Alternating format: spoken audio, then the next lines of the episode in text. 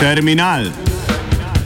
Vedno različni, nikoli isti, reš kolumnisti, isti, isti, isti, isti, isti, isti.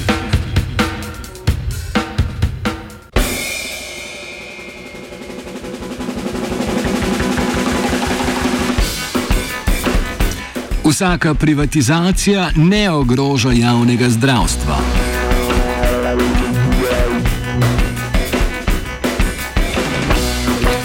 Pravica do zdravstvenega varstva je po naši ustavi temeljna človekova pravica. V ustavi je zapisano, da država ureja obvezno zdravstveno, pokojninsko, invalidsko in drugo socialno zavarovanje ter skrbi za njihovo delovanje. Da ima vsakdo pravico do zdravstvenega varstva pod pogoji, ki jih določa zakon, in da zakon določa pravice do zdravstvenega varstva iz javnih sredstev.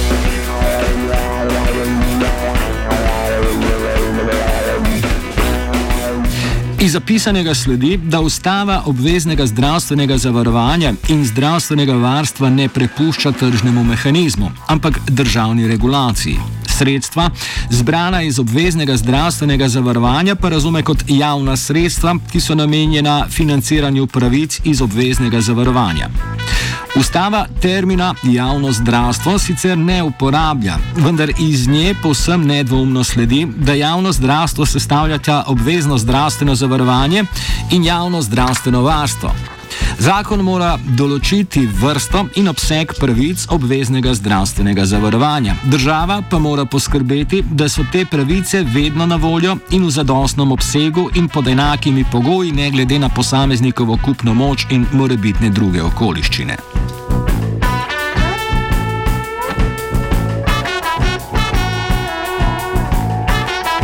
Za javno zdravstvo sta torej ključni dve vprašanji. Prvo, kaj, koliko in pod kakšnimi pogoji bo kdo dobil iz naslova obveznega zdravstvenega zavarovanja. In drugo, kako bo država zagotovila, da bodo zdravstvene storitve dobili vsi, neprekinjeno in pod enakimi pogoji.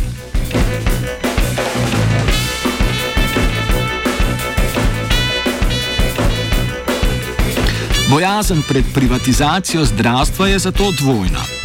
Najprej je tu bojazen, da bi se količina pravic obveznega zavarovanja v primerjavi s sedanjo zmanjšala in bi posameznik moral večji del zdravstvenih storitev poskrbeti sam iz lastnega žepa. Ali pa, da bi se ob enaki količini pravic breme njihovega financiranja še v večji meri kot sedaj preneslo iz javnih sredstev na zasebne žepe. Dejstvo namreč je, da že sedaj 30 odstotkov zdravstvenih izdatkov pokrivamo iz zasebnih sredstev, kar je tudi v evropskem merilu visok delež.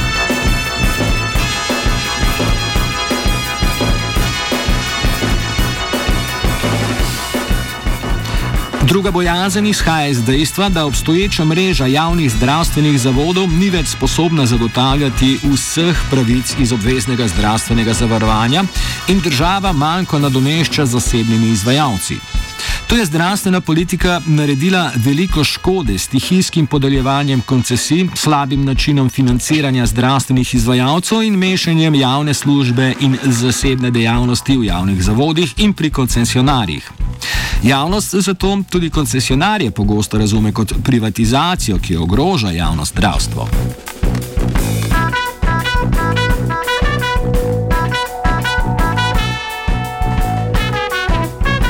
Strah pred krčenjem storitev javnega zdravstva je upravičen. Te se krčijo že od začetka 90-ih let. Zaradi restriktivne javno-finančne politike se spreminja tudi način plačevanja zdravstvenih storitev. Sprva so bile v celoti financiranje iz javne zdravstvene blagajne, postopoma pa je vedno večji delež prevzemala dopolnilno zdravstveno zavarovanje, torej neposredni uporabnik, ki poleg prispevkov obveznega zavarovanja plačuje tudi premije dopolnilnega zavarovanja. Te se viša, pa vendar mora pri nekaterih zdravilih in zdravstvenih pripomočkih uporabnik plačati iz lastnega žepa, še neposredno pri uporabi. Očitno je, da ob starajoči se družbi in napredku v medicini obstoječi obseg javno-finančnih sredstev za zakonske predpisane pravice ne zadošča več. Zaradi nezmožnosti zdravstvene politike, da bi ponudila celovitno rešitev problema, različne interesne skupine in združenja ponujajo svoje rešitve za ureditev javnega zdravstva. Te prinašajo več privatizacije, ponujajo več košaric zdravstvenih pravic in več schem zdravstvenega zavarovanja ter konkurenco med zavarovalnicami in med izvajalci. Vsem je skupno zmanjševanje pravic obveznega zdravstvenega zavarovanja iz javnih sredstev. Torej, manj javnega zdravstva, kar upravičeno prispeva k odporu javnosti do sprememb.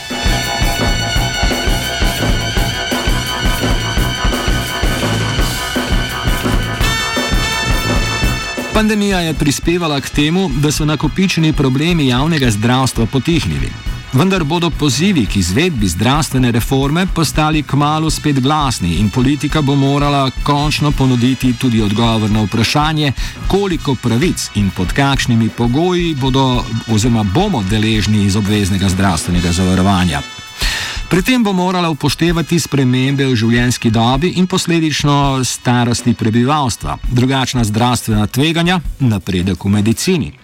Povedati bo morala, koliko javnega denarja smo pripravljeni nameniti za obvezno zdravstveno zavarovanje, oziroma kako visoko na prednostni lestvici izdatkov je zdravstvo. Prebivalci so v anketah javnega mnenja že večkrat povedali, da javno zdravstvo postavljajo zelo visoko na lestvici svojih vrednot. Tega politika ne bo smela spregledati. Prispevne stopnje za obvezno zdravstveno zavarovanje se morajo prilagoditi obsegu zagotovljenih pravic, če je potrebno. Je nujno, je nujno prestrukturiranje davčnih bremen. Nedopustno je, da imamo zakonske pravice, ki jih izvajalci niso sposobni zagotavljati, ker jih zdravstvena blagajna ne plača v zadostnem obsegu.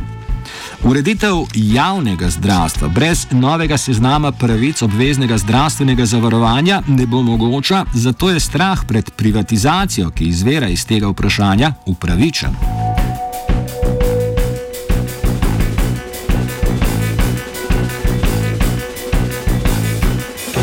Za izvajanje javne zdravstvene službe država in občine ustanavljajo javne zavode, lahko pa za to pooblastijo tudi zasebnike. Mreže izvajalcev javnega zdravstva tako sestavljajo javni zdravstveni zavodi, katerih ustanovitelj je država ali občina in zasebniki, ki so pridobili koncesijo za opravljanje javne službe. Mreža mora biti prilagojena demografskim, logističnim, infrastrukturnim in epidemiološkim dejavnikom in se mora sproti prilagajati spremembam in potrebam. Glede na to, da mora biti država garant javne zdravstvene službe, morajo biti pri njenem izvajanju nosilni javni zdravstveni zavodi. Prevelik delež zasebnih izvajalcev bi namreč lahko ogrozil nemoteno izvajanje javne službe. Vendar moramo vedeti, da mrežo javnega zdravstva lahko sestavljajo tudi koncesionari, torej tisti zasebniki, ki na enak način in pod enakimi pogoji kot javni zavodi izvajajo javno zdravstveno službo oziroma nudijo storitve obveznega zdravstvenega zavarovanja. Ti morajo biti vključeni v zagotavljanje javnega zdravstvenega varstva na enak način kot javni zavodi.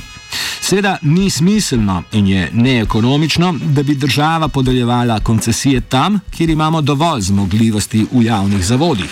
Zato je nujno najprej narediti red v javnih zavodih in izkoristiti vse zmogljivosti. Namesto novih javnih zavodov ali povečevanja zmogljivosti v okviru obstoječih, če to predstavlja prevelike stroške, pa podeliti koncesije zasebnikom, ki bodo opravljali le javno službo. Uporabniku je prav vseeno, ali storitev dobi v javnem zavodu ali pa pri koncesionarju. Vež, eh, važno je, da je storitev dobra in da jo dobi pod enakimi pogoji takrat, ko jo potrebuje. Zato je bojazen, da bi koncesionarji izvajali javno službo, povsem odveč.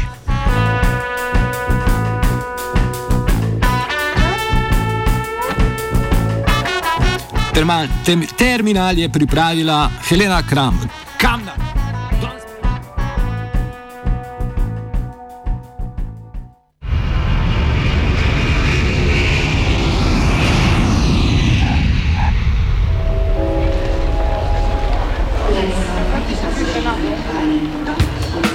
Terminal.